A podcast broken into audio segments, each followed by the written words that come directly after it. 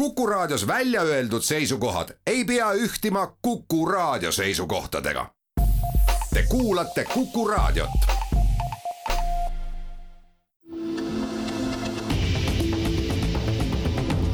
kahevahel. jutuindu ja puitpindu aitavad hooldada Osmo õlivahad. kahevahel.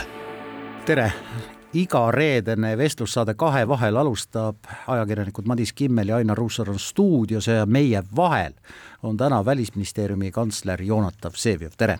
tere, tere! ütlen alustuseks, et Jonatan on olnud Eesti suursaadik Ameerika Ühendriikides ja Mehhikos, olnud erinevatel ametikohtadel Kaitseministeeriumis ja ka selle ministeeriumi kantsler, nüüd siis juba enam kui aasta Välisministeeriumi kantsler. nii on hetkel on kell kaheksa kakskümmend seitse hommikul, mis tähendab, et me salvestame seda äh, jutuajamist ette. ega ma sellele muidu tähelepanu ei pöörakski, kui ainult seepärast, et sel nädalal on tõesti sündmused äh, liikunud nii tohutu kiiresti, et me tegelikult ei tea, kas nelja tunni pärast võib olla kusagilt mis iganes valdkonnast tulnud midagi täiesti uut, mis äh, nii mõnegi meie jutu osa, mida me praegu salvestame, justkui kas ümber lükkab või annab mõne täiesti uue nüansi ja tahu on selline nädal olnud? on selline nädal olnud, aga ma arvan, et midagi niisugust me kindlasti ei aruta, mida neli tundi muutma hakkab.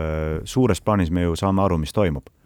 ja oleme aru saanud tegelikult juba umbes kaksteist kuud, veel enne seda, kui kahekümne neljandal veebruaril Venemaa laiaulatusliku agressiooni käiku lasi.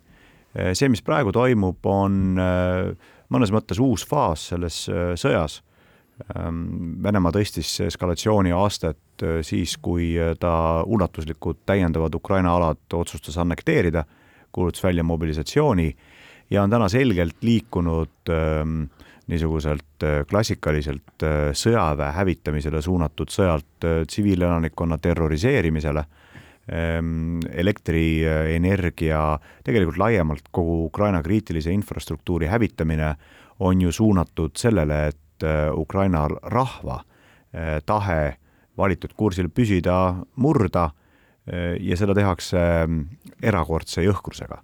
nii et iseenesest ei ole ju suure sõja kontekstis see mingisugune üllatav või, või ootamatu areng, aga alates Teise maailmasõja lõpust see kontinent siin Euroopas midagi sellist siiski näinud ei ole nii on jah, kas äh, läheme Ukrainaga edasi, Ukraina sõda ja kuulujutud. pikka aega tegeles äh, ka lääne ajakirjandus sellega, et kuhu on kadunud Venemaa kaitseminister Sergei Šoigu, see oli äh, paar kuud pärast seda, kui Venemaa agressioon Ukrainas algas. no Šoigu tuli siis mingil hetkel välja, näitas ennast värviteleviisoris nüüd siis Poola raketiintsident, neid poliitikuid, kes esialgu kahtlustasid Venemaa rünnakut NATO vastu, oli ikka häälekalt päris palju. tänapäeva info üleküllastatud maailmas on sellised jutud vist paratamatud? on küll jah, info jõuab hästi kiiresti äh, sündmuskohalt äh, infotarbijani.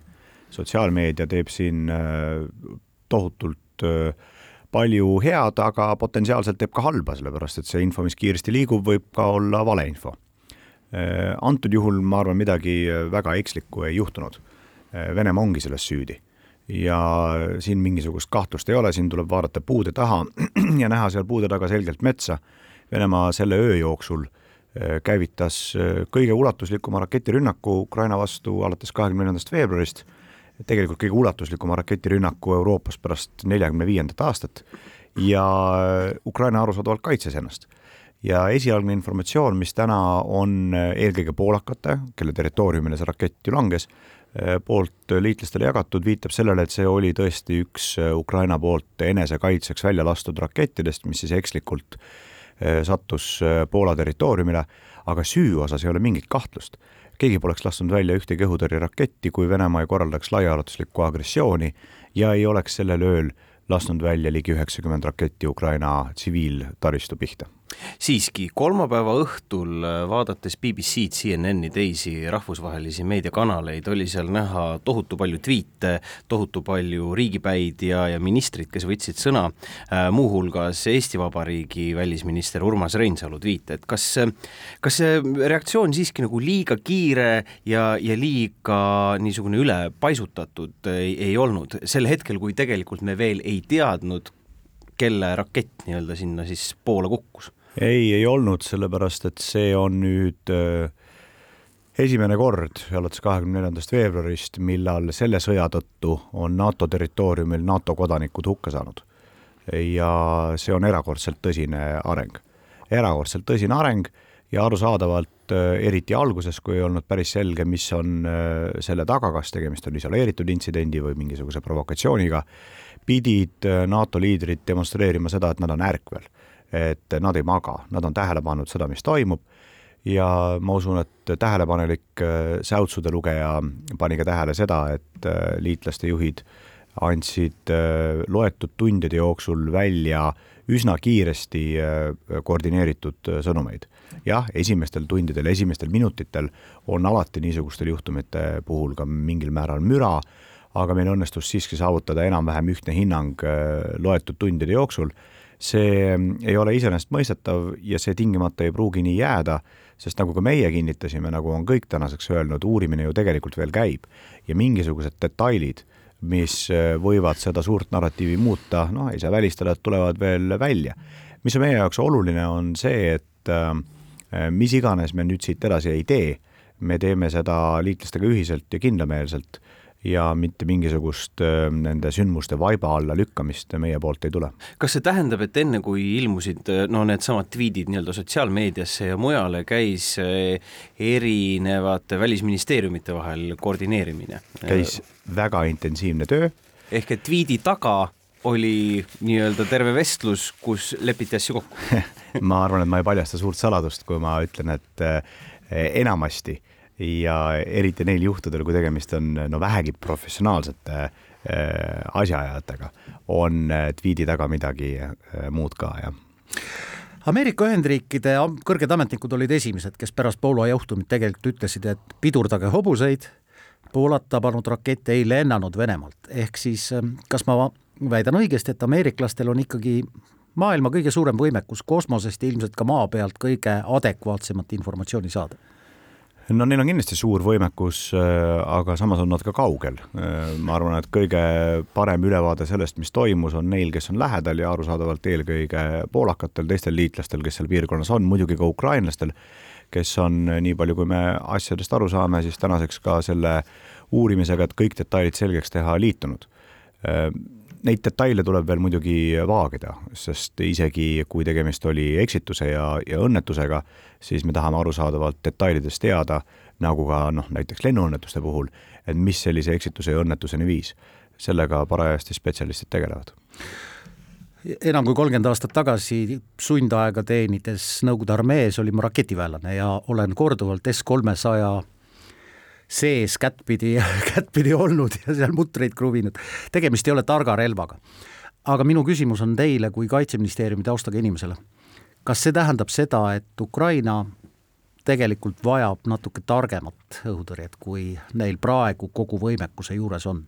Ukraina vajab kõiki äh, võimalikke relvasüsteeme, nii palju, kui äh, liitlased äh, läänes vähegi seda anda suudavad jah, loomulikult õhutõrje, see on praegu arusaadavalt fookuses, sellepärast et toimus intsident õhutõrjevahendiga. aga siingi ma tahan alla kriipsutada vajadust puude taga metsa näha, meie viga tihtipeale on see, et, et me näeme mingisugust detaili ja siis jookseme selle detaili peale, unustades laiema konteksti, see ei tähenda, et see detail on vähetähtis, õhukaitse on erakordselt tähtis.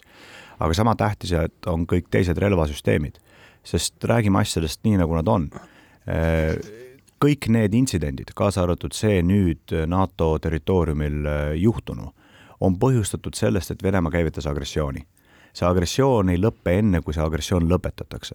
ja siin on Ukraina toetamisel kriitiliselt tähtis roll, Ukrainat tuleb toetada majanduslikult, Ukrainat tuleb toetada poliitiliselt, ukrainlastele tuleb anda lootust ja sellest võiks rääkida ka pikemalt, sest see on erakordselt oluline äh, ja raskesti mõõdetav ressurss. ja Ukrainat tuleb toetada sõjaliselt kõikide vahenditega, mida me vähegi suudame ukrainlastele anda, et nad ka lahinguväljal eh, suudaksid jätkata seda edu, mida noh, viimati Hersoni linna vabastamisega nad eh, demonstreerisid. alles siis, kui see sõda on eh, lõppenud ja lõppenud moel, mis kindlustab Ukrainale territoriaalse terviklikkuse ja suveräänsuse, alles siis võime me lugeda need intsidendid selgelt möödanikku kuuluvaks, kusjuures ma pean siia ühe asja veel juurde ütlema. nüüd on taas äh, väga palju rahvusvahelises äh, avalikus ruumis kuulda seda vormelit ja mõttekäiku, mis on väga õige. et ähm, otsus selle üle, millal asuda rahu sõlmima, äh, kuulub ukrainlastele. me mäletame ka aastatagusest ajast, kui äh, veel käis diplomaatiline lahing enne seda, kui kahurid kõnelema hakkasid. seda kuulsat lauset, et keegi ei räägi midagi Ukrainast ilma ukrainlasteta ja selle lause teist osa, keegi ei räägi midagi Euroopast ilma eurooplasteta ma tahan seda teist poolt ka alla kriipsutada, sest küsimus ei ole ju ainult Ukraina territoriaalses terviklikkuses ja suveräänsuses, küsimus on selles, millised põhimõttelised normid ja käitumismustrid Euroopa julgeolekupoliitikas kehtestuvad pärast seda, kui see sõda läbi saab. ja siin on laias laastus kaks valikut. kas kehtestub see norm, et teatud tingimustel, teatud juhtudel, võib-olla osaliselt, kuid siiski, on agressoril suure ja laiaulatusliku agressiooni tulemine võimalik mingisugust edu saavutada. või vastupidi, kehtestub selline norm, et ükskõik mis agressioon ka agressorile endale tulu ei too. sellest sõltub äh, järgmiste kümnendite Euroopa julgeolek erakordselt suurel määral. nii et seetõttu oleme me kogu aeg rõhutanud, see sõda tuleb äh, lõpetada Ukraina täieliku võidu ja agressiooni täieliku läbikukkumisega ja selle jaoks on Ukrainat vaja absoluutselt toetada, sest nemad, just nemad kannavad praegu kõige suuremat koormat. enne kui me läheme pisikesele pausile, siis korra veel selle Poola raketijuhtumi juurde, et alles eile ütles Ukraina president Zelenskõi, et et see oli ikkagi Vene rakett, tema ei usu, et see Ukraina oma on. mis, mis rida ta ajab? et kui, kui me siin nii-öelda räägime metsast puude taga, siis kas siin on ka midagi niisugust? ma tahaks loota, et ei ole, ma tahaks loota, et see on sõjas oleva riigi presidendi noh, võib-olla äh, veidi teises kohas asuv äh, valulävi äh, ka avalikkusega suhtlemisel. tänaseks, nii palju kui ma oskan neid sõnumeid lugeda, on äh, Ukraina võimud ka oma retoorikat mahendanud, rõhutavad seda, et uurimine tuleb läbi viia, nii palju kui ma aru saan, on ka ukrainlased sellesse uurimisse nüüd kaasatud ja ma usun, et lõpuks noh, saavad kõik aru, et nii poolakatel, ukrainlastel, meil kõigil on üks eesmärk kindlaks teha kõigepealt, mis täpselt juhtus ja teiseks aidata Ukrainal äh, see sõda võita. just äh, eile õhtul saabusid Ukraina eksperdid äh, Poolasse osalema sealses uurimises, aga teeme siin väikese pausi ja siis jätkame. kahevahel. jutuindu ja puitpindu aitavad hooldada Osmo õlivahad. kahevahel kuku raadios jätkub igareedene intervjuusaade Kahe vahel. täna on meil külas Joonatan Vsevjov ja ajakirjanikud Ainar Ruussaar ning Madis Kimmel teda küsitlemas. härra Vsevjov, kaks tuhat kaheksa augustis kestis aktiivne sõjafaas, kui Venemaa tungis Gruusia territooriumile sada tundi. ja venelased jäid Tbilisi väravatel pidama selles sõjas, mida me nüüd näeme, see sõda on kestnud väga-väga-väga palju kauem ja kestab edasi ja ilmselt venelased ei jääks pidama, kui nad oleksid äh, Kiievi väravatel, nendel väravatel. miks tookord Gruusias jäid pidama, aga nüüd ei jää? noh, tagantjärele tarkus paljuski ja mingil määral kindlasti ka spekulatsioon, aga mina olen veendunud selles, et äh, nad ei jäänud pidama, nad jäeti pidama. Äh, rahvusvaheline tähelepanu siiski selle toonase sõja esimestel päevadel Äh, suutis fokusseeruda, äh, suutis mobiliseeruda, mäletame seda, et ka Balti riikide ja Poola presidendid lendasid ju Tbilisisse kohale, äh, Prantsusmaa toonane president Nicolas Sarkozy asus aktiivselt diplomaatiliselt mingisuguseid lahendusi otsima, Ameerika Ühendriikide president, ma mäletan, ma olin toona tööl meie saatkonnas Washingtonis, Ameerika Ühendriikide president toona George W. Bush. Äh, esines ülijõulise avaldusega, kus ta lubas äh, grusiinidele äh, kui ma õigesti mäletan, ta kasutas sõnu humanitaarset toetust, aga lubas seda toetust kohale viia Ameerika relvajõudude vahenditega ja nii edasi ja nii edasi. aga oluline õppetund toonasest on ju ka see, et see sõna sõda noh, teda on liiga palju kasutatud ja mulle tundub, et talle kohati antakse kas liiga kitsast või liiga laia tähendust. jah, vahetu kineetiline lahingutegevus sai siis sajakonna tunni pärast läbi. aga heitlus selle pärast, kes peale jääb, see ju kestis edasi. ja erakordselt oluline on meie jaoks, eriti läänes demokraatlike ühiskondade jaoks aru saada, et asjad kestavadki kaua ja kohe, kui me minetame fookuse ja tähelepanu no siis on väga suur risk, et teine pool saavutab edu, keerab rahvusvahelises avalikkuses narratiivi pea peale ja lõpuks millimeeter haaval saavutab selle, mida ta taotleb.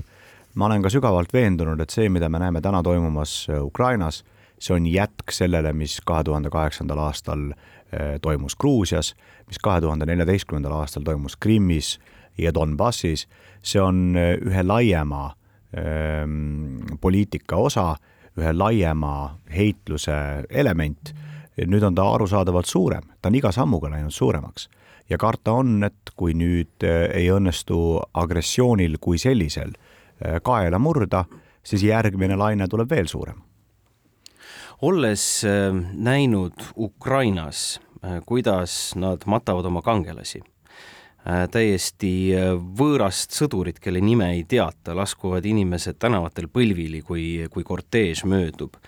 Äh,, olen ma veendunud, et seda rahvast ei ole võimalik alistada ka nende raketirünnakutega, mida me praegu näeme, ehk minu küsimus on suunatud sinna, kas kas need raketirünnakud, mida Venemaa praegu teeb, ei ole pigem mõeldud selleks, et ära väsitada läänt? et kurnata lihtsalt äh, lääs ära ja, ja, ja jõuda lõpuks jälle selle näo säilitamise ja, ja ma ei tea, mis kõige jutuni? ma arvan, et sellel on ja mitu eesmärki, tähendab raketirünnakud ise, ma arvan, peamiselt on siiski suunatud Ukraina tsiviilelanikkonna terroriseerimisele. Äh, loomulikult on ukrainlased demonstreerinud äh, erakordset vaprust, kindlameelsust seda toidab kindlasti ühelt poolt lootus selle järele, et kusagil on lõpuks äh, lõpp ja lõpu järel parem tulevik. Äh, tulevik Ukrainale, tulevik neile endale, mis on euroopalik, normaalne, edukas, kõik see, mida me võtame kokku sõnaga euroopalik. ja teisest küljest ka selgelt hirm selle ees, mis juhtub siis, kui nad üks hetk enam ei jätka. me ju teame oma ajaloost et äh, formaalne rahu, mis on kusagil äh, rahulepingu ähm, raamides kokku lepitud äh, kõrgetasemelise diplomaatilise läbimurdena, mis joonistab ümber maakaardil riikide piire, ei pruugi tähendada rahu selle sõna tegelikus tähenduses inimeste jaoks. meil oli ka siin viiskümmend aastat rahu ja koos sellega küüditamised ja muu muidugi me kõik seda teame, on üks asi seda teada kui teoreetilist tõdemust äh, kusagilt äh, noh, niisugusest ütleme ajaloost ja on teine asi näha seda reaalselt täna toimumas, just vabastati Herson, just jõuavad jälle maailma avalikkuse ette kaadrid sellest, mis toimus Hersonis okupatsiooni ajal, kuidas kadusid kõik need, kes vähegi eh, okupatsioonile ohtu kujutasid, kes iseseisvat mõtlemist viljelesid, mismoodi piinati Äh, nii äh, ametiisikuid, äh, sõjaväelasi, aga ka täiesti tavalisi tsiviilisikuid. see kõik on ju ukrainlastele selgelt näha ja see valik on tänu sellele sedavõrd mustvalge ja arusaadav. aga midagi ei ole niisugustes suurtes sõdades iseenesestmõistetav, meil ei maksa eeldada, et ähm, miski kuskil kunagi ei lõpe või ei murdu ei, meil on otstarbekas see agressioon nii ruttu kui vähegi võimalik lõpetada, sest see koormus ja valu nii ukrainlastele kui noh, kaudsemalt ka meile kõigile, on lihtsalt liiga suur, et teda kunstlikult venitada.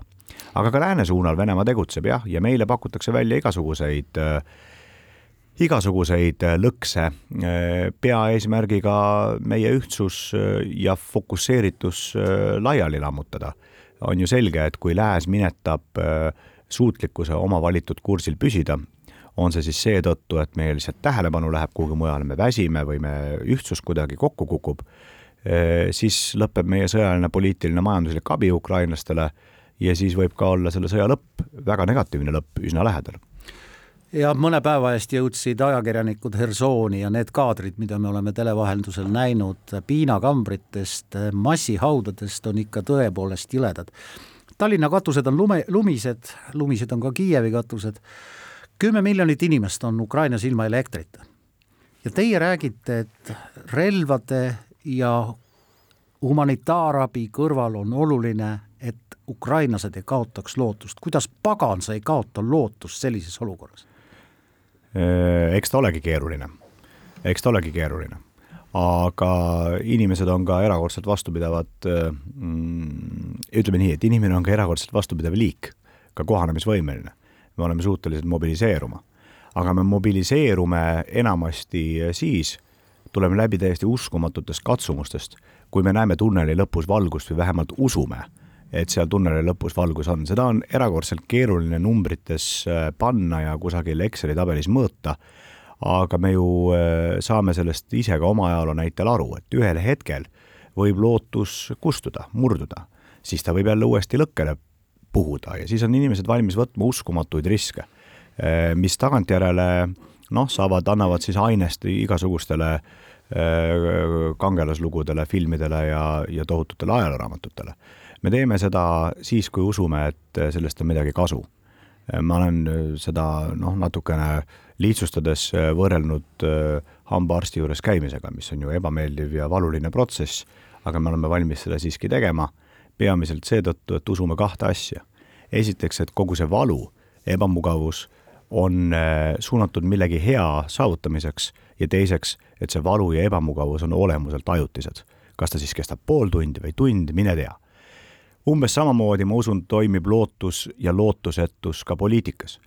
ja täpselt äh, nii, nagu Venemaa üritab ukrainlastelt äh, seda lootust võtta, on meie asi seda lootust pidevalt juurde anda ja samal ajal arusaadavalt ka agressorile selgeks teha, et äh, see valu, mida nemad tunnevad sanktsioonide, rahvusvahelise isoleerimise näol, et seegi valu äh, kuhugi ära ei lähe, mitte enne, kui agressioon läbi saab. Äh päriselu lugu nii-öelda sellele juurde, millele ma mõtlen, on äh, taas Ukrainas nähtud pilt, kus äh, pereema ütles, et see, et me peame keldris elama või lõkke peal süüa tegema, see ei ole, me harjume sellega ära, mida ma tahan, on ilma hirmuta oma voodis magada ehk ähm, väga, väga selge nii-öelda selle, selle jutu tõestus äh, Tšernihivi tänavatelt. ja, ja selle hirmu seljatamiseks on tarvis see agressioon äh, täielikult läbi kukutada. Äh, ma tahan väga loota, et äh, läänes laiemalt võin kinnitada, et Eestis kindlasti on viimaste aastate ja aastakümnete õppetundides saanud klaarselgeks, et mingisugused ähm, vahepealsed näilised kokkulepped, mis ajutiselt ja osaliselt olukorra külmutavad, tegelikult mitte midagi meile ei anna saatanaga tehtavad tehingud viivad vaid põrgusse. defitsiidil on oma positiivne joon, miks ma räägin defitsiidist? teate, ma olen mitmest allikast kuulnud, et Eestis on generaatorid otsas, need portatiivsed generaatorid, mis toodavad elektrit ja väidetavalt otsas sellepärast, et äh, neid on ostetud ja abi korras Ukrainale antud no ma saan aru, et äh, on antud Ukrainale abi korras, Eesti püüab, no ka Eesti riik püüab Ukrainat äh, aidata mitte ainult nii palju, kui me suudame, vaid ka nii operatiivselt, kui me suudame. Ja selgelt on praegu energiataristu erinevad komponendid äh, ilma liialdamata kulla hinnaga, nii et mida me suudame, seda me anname. Eesti erasektor on olnud uskumatult äh, uskumatult aktiivne, kolmas sektor samamoodi. Ja nii palju, kui ma mõistan, siis on ka Eesti enda inimesed ostnud generaatoreid Need generaatorid aga ei ole mitte Eestist otse saanud, siin ma tahan äh, selle olulise eksituse kiiresti parandada, vaid vastupidi, nad on liikunud poeriiulitelt sinna, kus neid potentsiaalselt tegelikult äh, vaja läheb, nii et ma näen seda siiski positiivse arenguna, et inimesed on endale generaatoreid varunud äh, ega hoia neid kusagil ladudes. Küll need tarneahelad ka korda saavad, energiajulgeolek on oluline ja ma arvan, et igaüks saab siin päris palju ära teha, et iseenda ja laiemalt siis seeläbi ka ühiskonna julgeolekut kindlustada kindlasti ma ütlesin ka, et defitsiidis on vahel midagi positiivset. just.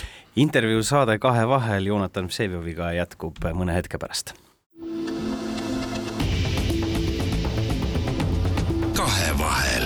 jutuindu ja puitpindu aitavad hooldada Osmo õlivahad. kahevahel ajakirjanikud Madis Kimmel ja Ainar Ruussaar jätkamas igareedest vestlussaadet Kahe vahel ja meie vahel on täna Välisministeeriumi kantsler Joonatan Vseviov me läheme oma juttudega nüüd äh, Ameerika Ühendriikidesse enne veel, kui valimistest ja, ja tulevikust ja nii-öelda Biden versus Trump äh, hooaeg kahest rääkima hakkame, siis äh, sel nädalal kõlasid Pentagonist muuhulgas ka mõtted, et Ukraina ei suuda ilmselt sõda lahinguväljal võita ja see peab olema, lõpp siis peab olema poliitiline. ma ütlen ausalt, et see oli minu jaoks palju hirmsam lause kui, mm, kui, kui need uudised, mis Poolast tulid. natukene nii-öelda utreeritult kontsentreeritult öeldes? jah, niimoodi kontekstist välja võetuna ühe lausena ma ei pea seda üleliia õnnestunud äh, formuleeringuks äh,.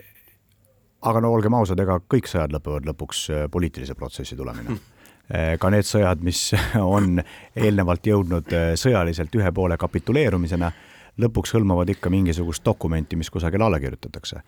aga kui nüüd veidi tõsisemalt rääkida ja, ja mõni samm eemale astuda, siis me oleme kogu aeg ju sellele tähelepanu juhtunud, et see sõda toimub nagu kahel tasandil on tõesti see tasand, kus käivad kineetilised lahingud Ukraina ja Vene relvajõudude vahel, kus heideldakse ühe või teise küla üle kontrolli saavutamise pärast.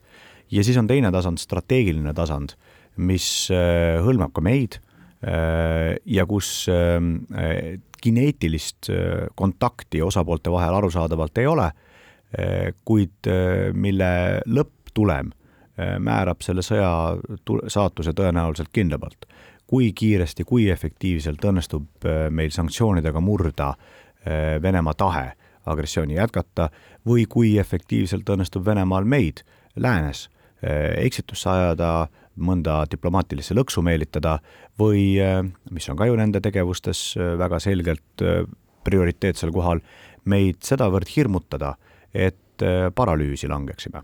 noh, veel pole kumbki pool selget seljavõitu saanud, ma usun, et kui me läänes vähegi fookust hoida suudame, siis äh, meist jagu ei saa.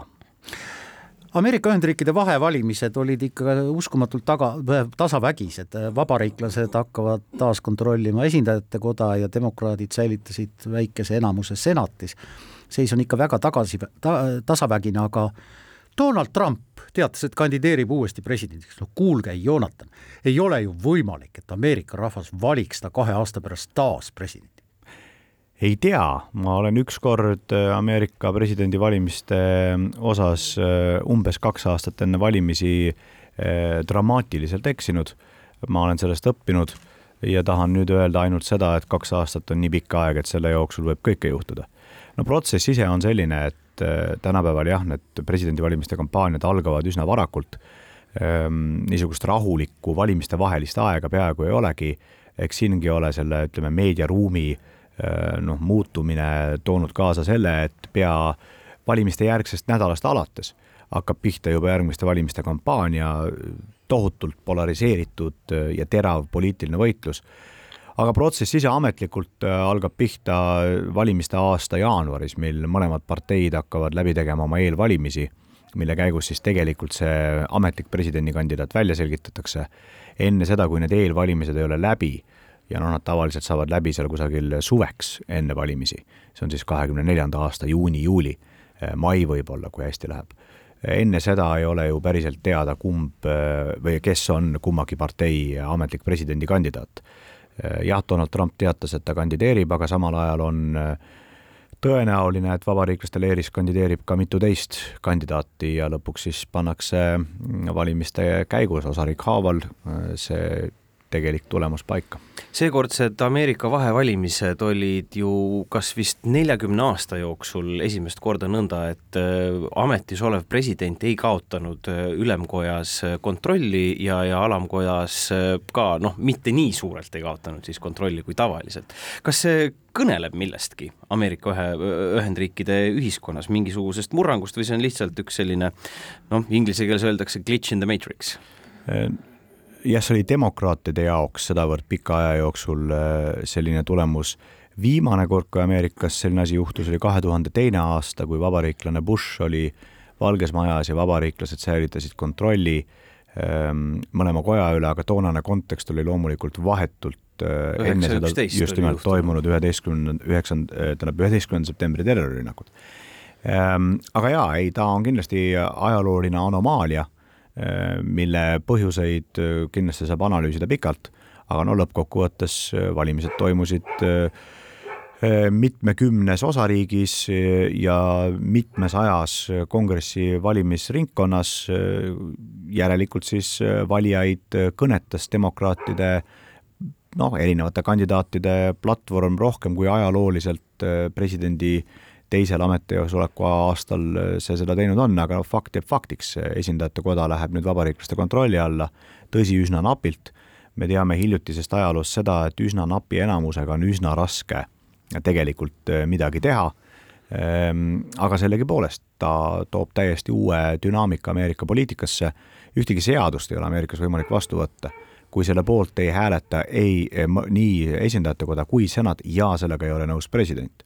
Nii et võib, võib ette kujutada, kui keeruliseks läheb nüüd administratsioonil eriti oma sisepoliitilise agenda elluviimine.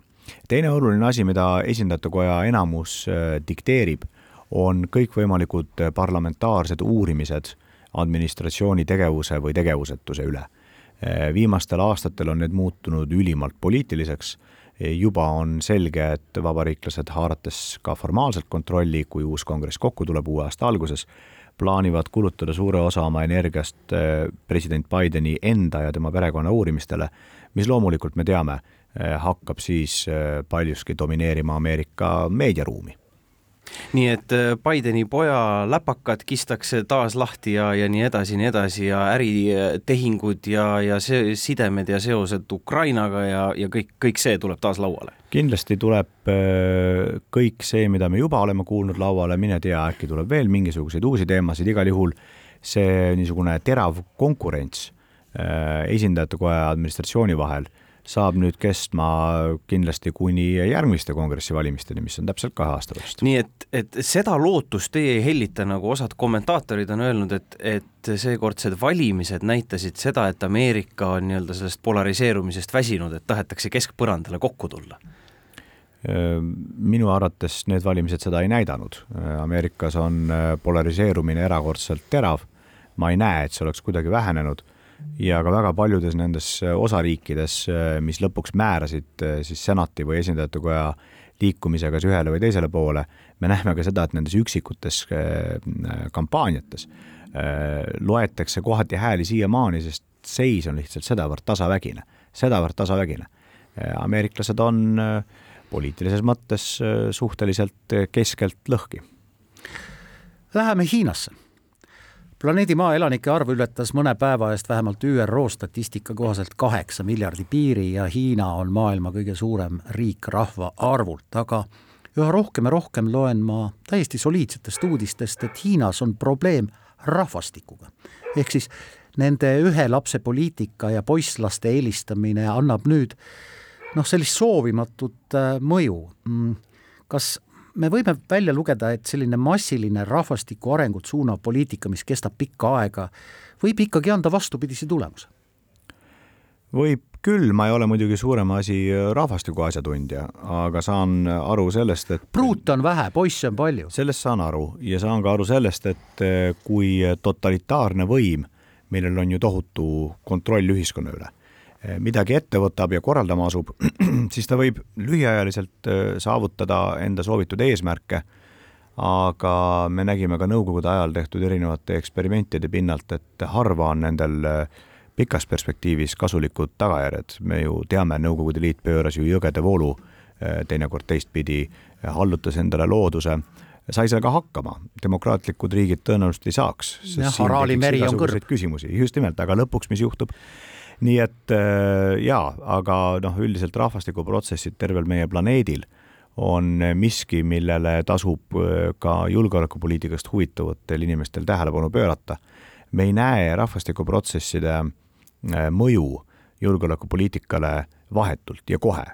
aga ma arvan, et tänaseks oleme piisavalt targad, et aru saada, et viie, kümne, viieteist, kahekümne aasta perspektiivis jõuavad need protsessid kõik ka julgeolekupoliitikasse. Euroopa elas läbi rändekriisi, eh, sellel kõigel on ju mingisugused juurpõhjused kusagil mujal, kusagil kaugemal, kaugelt eh, suuremates protsessides kui lihtsalt mingisugused poliitilised valikud, mida erinevad valitsused langetavad.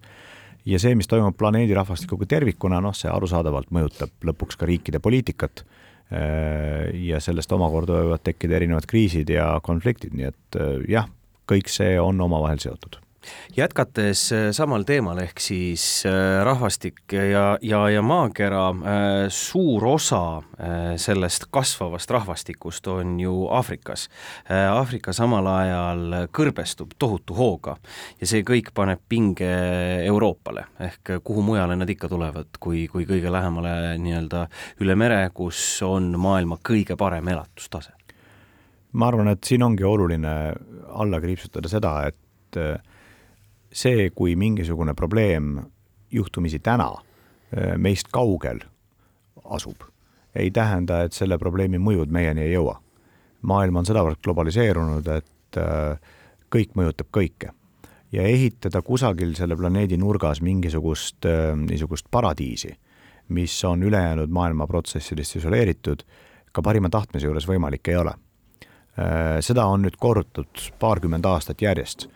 Me nägime seda, kuidas laiemast Lähis-Idast alguse saanud protsessid viisid globaalse terrorismi tekkeni, mis jõudis lõpuks nii Euroopasse kui Põhja-Ameerikasse koju kätte.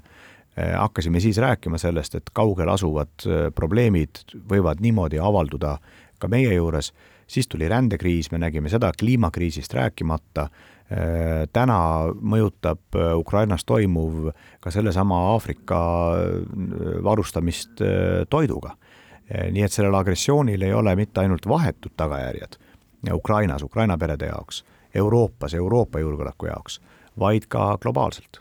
nüüd tõmbame korraks hinge ja siis jätkame vestlust Jonatav Vseviaviga.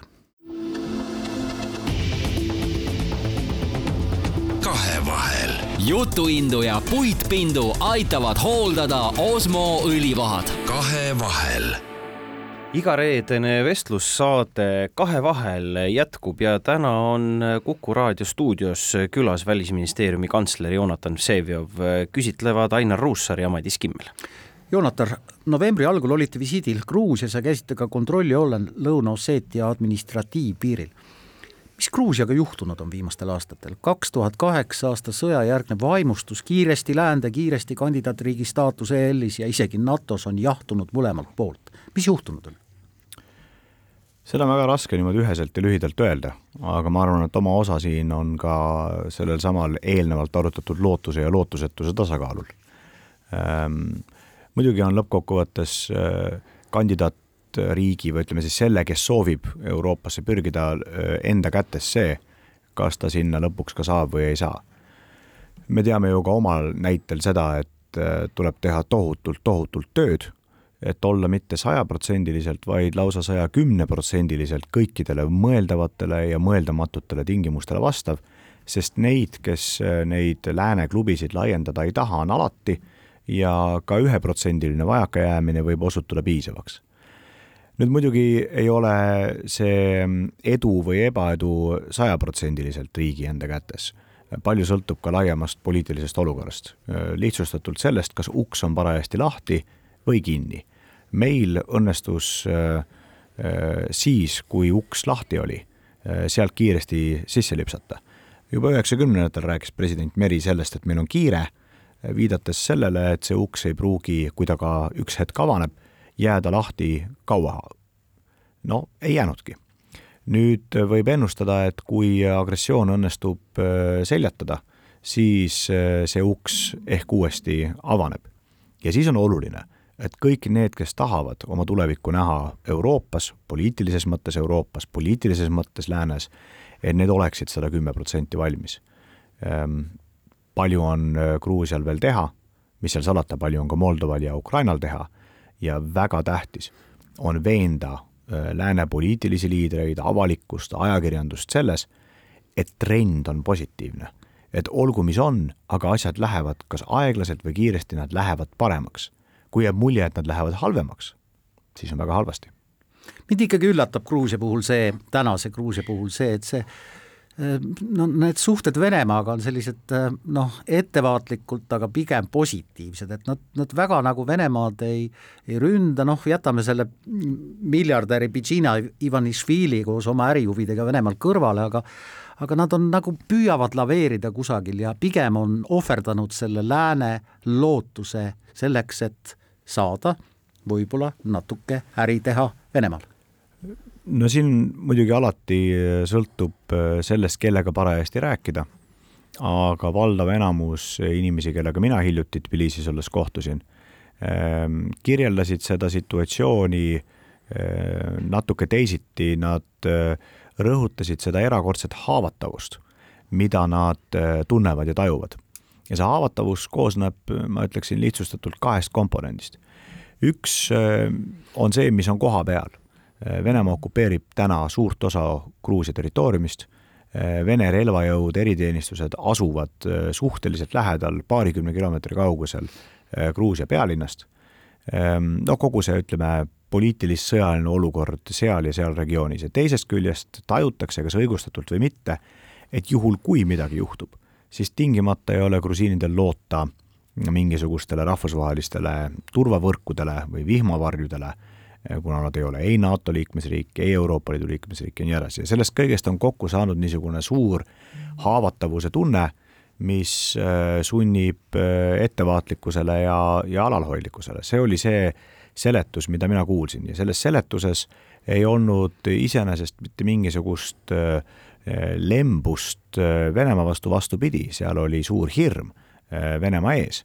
aga kindlasti on Tbilisis, Gruusias laiemalt ka teistsuguste vaadetega inimesi, ka neid, kes arvavad, et et tuleb olla jõulisem ja sirgeseljalisem, kindlasti on ka neid, kes arvavad, et Gruusia äh, majanduse jaoks on oluline koostöö Venemaaga, eks ta lõpuks äh, selgub äh, siis, kui grusiinid endale juhte valivad ja siin on väga tähtis, et need äh, valimised, aga ka valimiste eelne periood, üldine poliitiline kliima, et need oleksid, et see oleks kõik demokraatlik ja kooskõlas nende reeglitega, mis demokraatiaid iseloomustavad, sõnavabadus, meediavabadus opositsioonil õigus ja vabadus tegutseda ja nii edasi. no ja siis on veel äh, Moldova, kus heakene küll äh, ei ole otseselt nii-öelda Vene sõjaväge või Vene sõjaväelasi, aga on üks pisike triip maad, mis jäi kinni aastasse tuhat üheksasada, no ma julgen öelda seitsekümmend üheksa või midagi niisugust, ehk äh, Transnistria, mis ju ka seab Moldovale tohutu palju piire ja, ja olukord on noh, lahendamata.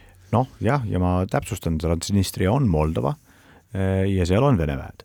nii et arusaadavalt äh, me näeme igal pool Venemaa piiridel äh, neid niinimetatud külmutatud konflikte, mida on Moskva hoidnud kõik need Nõukogude Liidu lagunemise järgsed aastad kunstlikult elus, et vajadusel nende kaudu kontrollida teisi riike ja muuhulgas ka seeläbi, et need külmutatud konfliktid kiiresti, kui selleks vaja, vajadus tekib, lõkkele puhuda. Transnistria on üks neist näidetest.